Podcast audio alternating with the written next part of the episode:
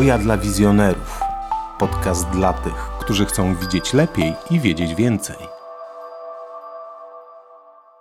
Dzień dobry drodzy Państwo. Dzisiaj jesteśmy w nietypowej atmosferze, mianowicie na śniadaniu u Państwa Buczkowskich, Hanny i Piotra. Wy prowadzicie salon i generalnie nie wiem czy wiecie, ale jest opinia o Waszym salonie, że Wy składacie ludzi.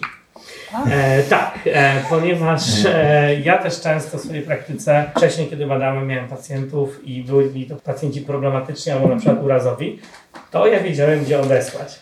E, jak to wygląda? Czy, czy możecie potwierdzić tę opinię? Bo e, ty zajmujesz się, Hanna, bardzo ciekawymi rzeczami. Wiesz co, nie wiem, czy możemy potwierdzić tą opinię, jak ona jest, no to pewnie nie bez powodu. No ja jestem mocno związana faktycznie z rehabilitacją widzenia, terapią wzrokową. Już od 2007 roku gdzieś tam zaczęłam tak konkretnie zmierzać w tym kierunku. No i wiadomo, że nasze polskie realia są zupełnie odmienne od tych, o których słyszymy w, od wykładowców ze Stanów Zjednoczonych czy z innych krajów. Inne systemy rozliczeń i inne w związku z tym możliwości tak naprawdę i dostępność tego rodzaju postępowania. No więc gdzieś przez te lata musiałam znaleźć sposób na to, żeby to skutecznie prowadzić w Polsce. Prowadzić, no przede wszystkim pomagać ludziom, nie? No bo faktycznie to się zauważa, że przedtem dzieci ileś lat temu miały problemy wzrokowe, które uniemożliwiały im taką efektywną naukę chociażby, ale nie tylko. No a dzisiaj zdaje się, że jest jeszcze trudniej. Więc myślę, że gdzieś y, takie wyzwania, y, jeżeli chodzi o o różnego rodzaju problemy wzrokowe, z którymi zmagają się nasi pacjenci, to no, można powiedzieć, że nie są nam straszne, aczkolwiek cały czas się uczymy i rozwijamy. I też mam takie sytuacje, dzisiaj akurat właśnie po naszej rozmowie będę pędziła do gabinetu i nadal po tylu latach praktyki mam w zwyczaju, że zawsze sprawdzam, kto przychodzi do gabinetu. Jeżeli to jest pacjent, który już u mnie był, to przeglądam kartotekę, przygotowywuję się, myślę i rozważam. Więc e, jakby mm, nadal po tylu latach e, po prostu nie pozwalam sobie na to, żeby, żeby iść do gabinetu nieprzygotowanym.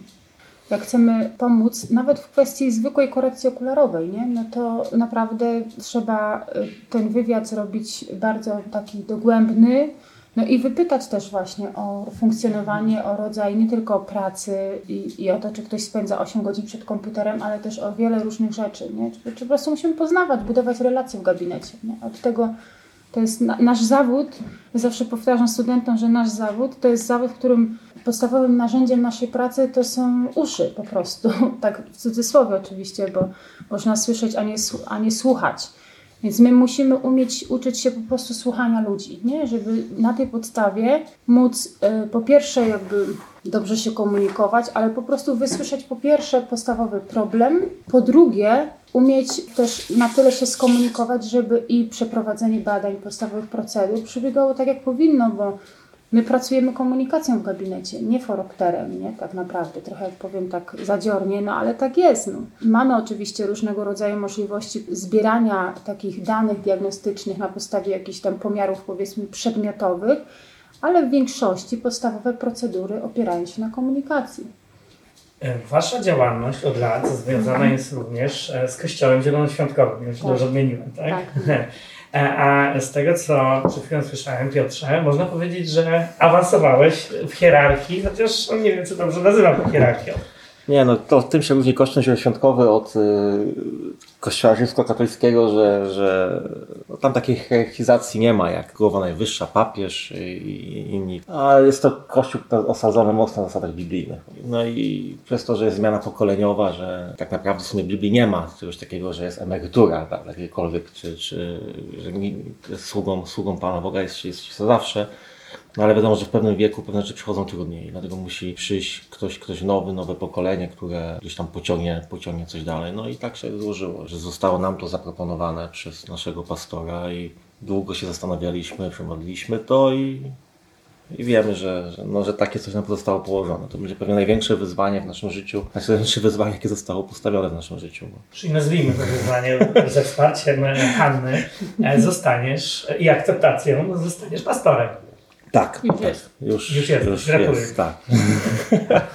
Jeszcze ordynacji formalnej nie było, czekamy aż się przeniesiemy do, do nowej, nowego lokum, do nowego budynku, które tam się, się jest, jest tworzone, ale żeby to zrobić już w nowym miejscu. Nowe miejsce, no, nowe, nowy pastor. Budujemy, no. Budujemy budynek w Poznaniu. Tak, o ile, ile mogę, to śledzę e, też Wasze działania dotyczące e, Kościoła. No teraz jesteś, można powiedzieć, przewodnikiem wspólnoty, z którą robicie bardzo ciekawe rzeczy.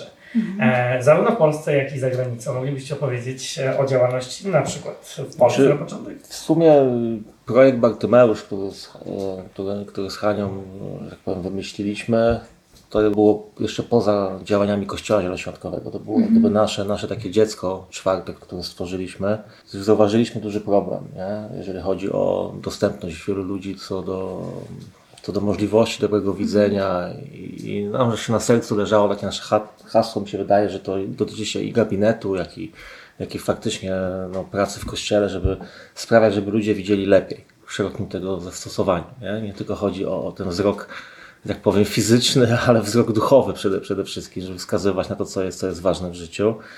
I projekt Bartymeusz e, wystartował jak gdyby w 2009 roku i, i tak naprawdę zaczynaliśmy od zera, od niczego. Tak. Nie, nie, Mieliśmy wtedy jeszcze swoje firmy. Mieliśmy swoje firmy, mieliśmy tak naprawdę kupionych przez znajomego, który nam załatwił po cenach hurtowych kilka oprawek i wiedzieliśmy, Dziewięć opraw. dziewięć chyba opraw to było i wiedzieliśmy, że, że, to, że to mało, ale, ale to Stowsko tak poprowadzone, tak poprowadził, Mhm. taka no, rozmnożenie, że nie wiem, czy jakoś robiliśmy akcję podsumowującą, ale przez te 11 czy tam Około 12 5 tysięcy. Około 5 tysięcy okularów trafiło do ludzi potrzebujących w Polsce, w Mołdawii, a obecnie też do, do Ukrainy, bo zawsze nam leżały takie, takie no, kraje jak Mołdawia i też nam się obijała Ukraina. Myśleliśmy, że kiedyś będzie nam dane pojechać z działaniami projektowymi do Ukrainy. Okazało się, że to Ukraina przyjechała do nas i nie musieliśmy wyjeżdżać, a mogliśmy im pomagać tutaj na, na miejscu. I nadal w sumie ten salon w Poznaniu poniedziałki jest takim mm, dniem ukraińskim. Nasze pracownice Dniem ukraińskim, trochę... tak, tak, ale też panie, panie z MOPR-u, z MOPR-ów Tak. poznańskich wysyłają nam ludzi też, ewentualnie z prośbą, czy możemy tam w niektórych przypadkach pomóc i no i też tam. E, Haniu, czy ty wciąż pracujesz na uczelni? Tak, Tak. Jeszcze tak. Jeszcze tak, czyli e, mamy tak, uczelnię, piękny dom z trójką dzieci, salon optyczny, a do tego e, wasz praktycznie cały czas dzielicie ze wspólnotą. I raz byłem świadkiem tego, jak spędzaliście w cudzysłowie wakacje e, podczas misji na Mołdawii. Skąd w ogóle ten pomysł zrodził się akurat z Mołdawią? Nie umiem odpowiedzieć dokładnie na to pytanie, dlaczego Mołdawia, bo po prostu, mm, o ile to dziwnie i abstrakcyjnie zabrzmi, po prostu kiedyś pojawiła mi się ta nazwa w głowie czy w sercu, tak mi gdzieś ten kraj, w ogóle nie wiedziałam tak naprawdę wtedy dokładnie, gdzie leży Mołdawia, po prostu to hasło mi się pojawiło w głowie, w sercu i tak mi to, tak mi to drążyło. I któregoś razu było tak, że idąc po zakupy, spotkałam się z takim znajomym, który zaczął mi opowiadać, że jego znajomi wyjeżdżają do Mołdawii, potrzebują okularów, bo tam robią takie właśnie akcje. I czy moglibyśmy ich jakoś wesprzeć, no bo wiedział, że mamy salon optyczny wtedy jeszcze. No i tak pomyślałam sobie, że zainteresuję się tym, no bo akurat taki zbieg, tak, okoliczności, że tu Mołdawia o niej myślałam, a tu z drugiej strony jacyś ludzie już jeżdżą. No i tak poznaliśmy się z Markiem i Bożenką Gwóźdź i oni faktycznie już ileś lat jeździli do Mołdawii i to był pierwszy nasz wyjazd, to był z nimi właśnie. Pojechaliśmy wtedy do Straszeni, do polikliniki i tam pracowaliśmy. Potem jakoś to wszystko, y, my mieliśmy inny system pracy, oni mieli inny i tak w pewnym momencie doszliśmy do wniosku, że po prostu musimy się podzielić. Oni też y, jakby mm, nie zgrywaliśmy się po prostu też i terminowo i no, no, przed taki czas, żebyśmy po prostu się rozdzielili.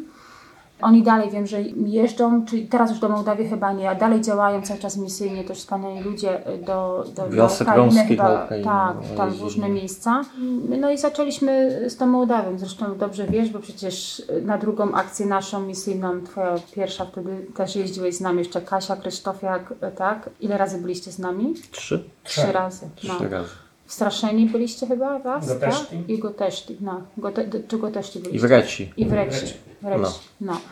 no, także y, było trochę tego. W zeszłym roku byliśmy ostatni raz we wrześniu w Reci właśnie, nie? Tak, taka najbardziej szalona podróż po prostu. Tak, Taka, bardzo szybko zorganizowana. Ale w sumie powiedzieliśmy, co tak naprawdę tam robicie. No. Co robimy tam? No to co, to co zdaje nam się, że, że umiemy, czyli badamy, badamy ludziom wzrok, staramy się ich poskładać, tak to powiedziałeś na, na, na początku, pod każdym, pod każdym względem. No i, no i wiadomo, że badanie wzroku to jest nic.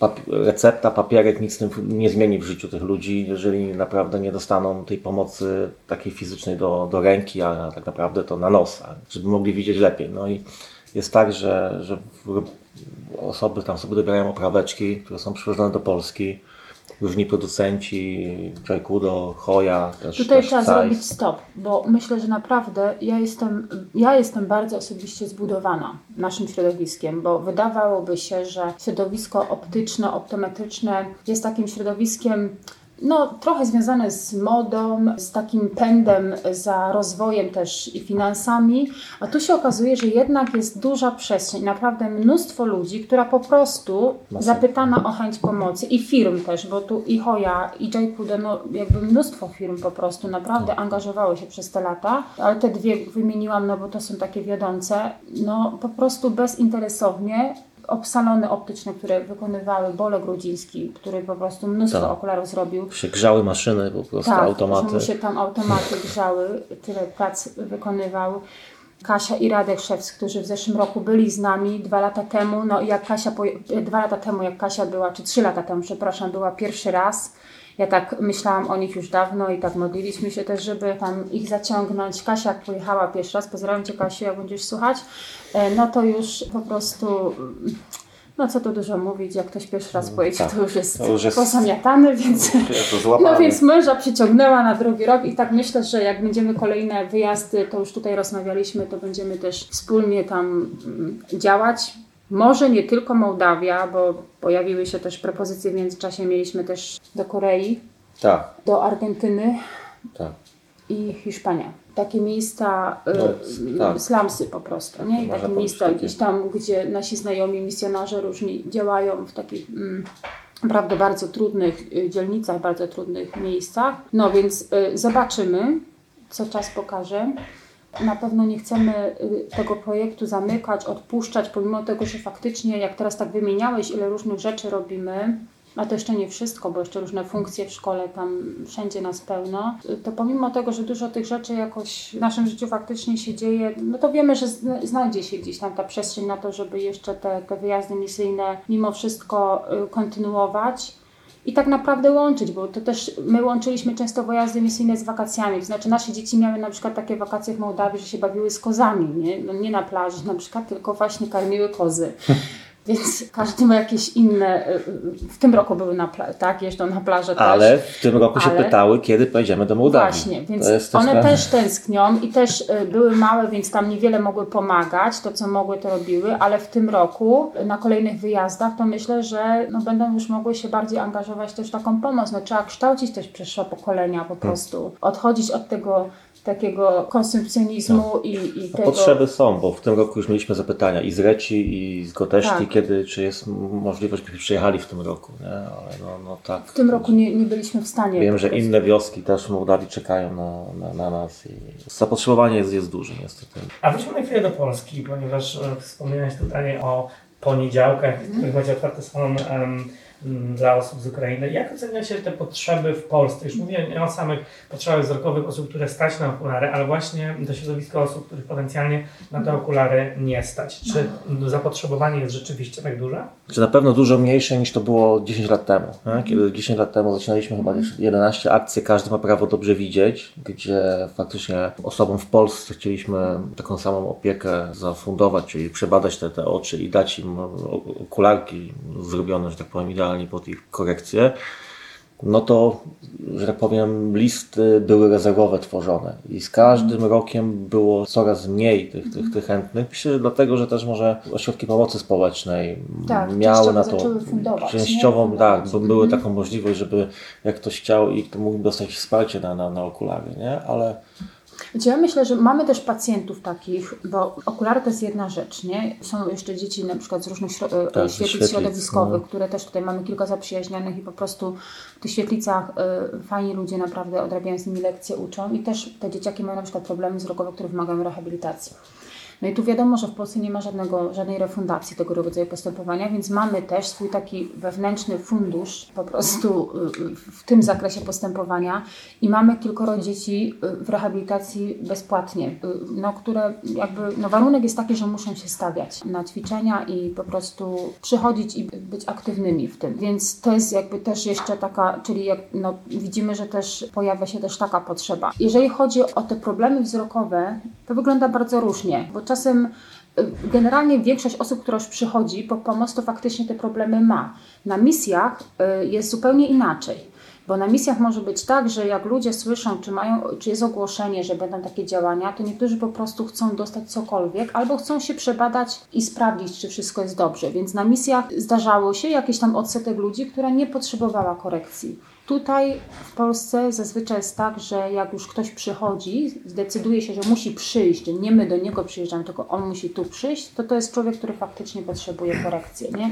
Tak sytuacji, popraw mnie, jak się myl, jeśli się mylę, ale takie sytuacje, gdzie ktoś ubogi czy z opieki społecznej przychodził i nie potrzebował okularów, tylko badania chyba nie, nie mieliśmy, nie? Czy mieliśmy? Nie, nie. Były jakieś takie epizody? Nie, nie. Chyba nie, no właśnie, no. Czyli tutaj jak już ktoś przychodzi, to faktycznie to są... y, No a z Ukrainą to było tak, że jak daliśmy informacje, no to wtedy jeden przez drugiego przekazywał. Ludzie, którzy gdzieś tam się gromadzili, kumulowali na też swoich grupach też, więc faktycznie było tak, że Piotr akurat bardzo dobrze mówi po rosyjsku, bo nie wiem, czy wie, no nie wiecie pewnie, ale jego wyborem pierwszym studiów wcale nie była optometria, Tylko filologia rosyjska. tylko filologia Gdzieś Jestem rosyjska. wdzięczny Bogu, że jednak to trafiłem na Ale trafił na optometrię. optometrię, poznaliśmy się tak i, i teraz no, jesteśmy małżeństwem, y, więc na filologię to bym go to nie znalazła. Moim pierwszym wyborem też wcale optometria nie była, więc w ogóle byśmy się nie znaleźli. No i no, także Piotr mówi dobrze po rosyjsku ym, i to gdzieś tam też pomagało. No, dużym nie? ułatwieniem to było dla Na tych ludzi. Czuli się Pomaga taki, cały czas, no, nie? Bo, bo gdzieś tam...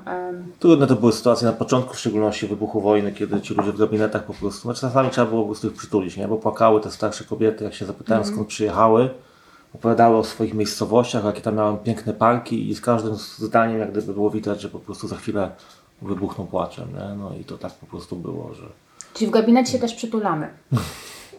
Za darmo. no, tak. Jeszcze. Taka dodatkowa usługa. Taka dodatkowa usługa do Bezpłatne. badania, bezpłatna, przytulenie, No. przytulas. Bardzo Wam dziękuję za bardzo inspirującą rozmowę, ale przede wszystkim za to, że tak otwarcie i z chęcią podzieliliście się częścią swojego życia i chociaż o tej małej części opowiedzieliście o tym, że jest remont z tyłu, to pewnie będzie słychać. Bardzo, bardzo dziękuję za to wspólne śniadanie. My dziękujemy również. Hoja dla wizjonerów. Podcast dla tych, którzy chcą widzieć lepiej i wiedzieć więcej.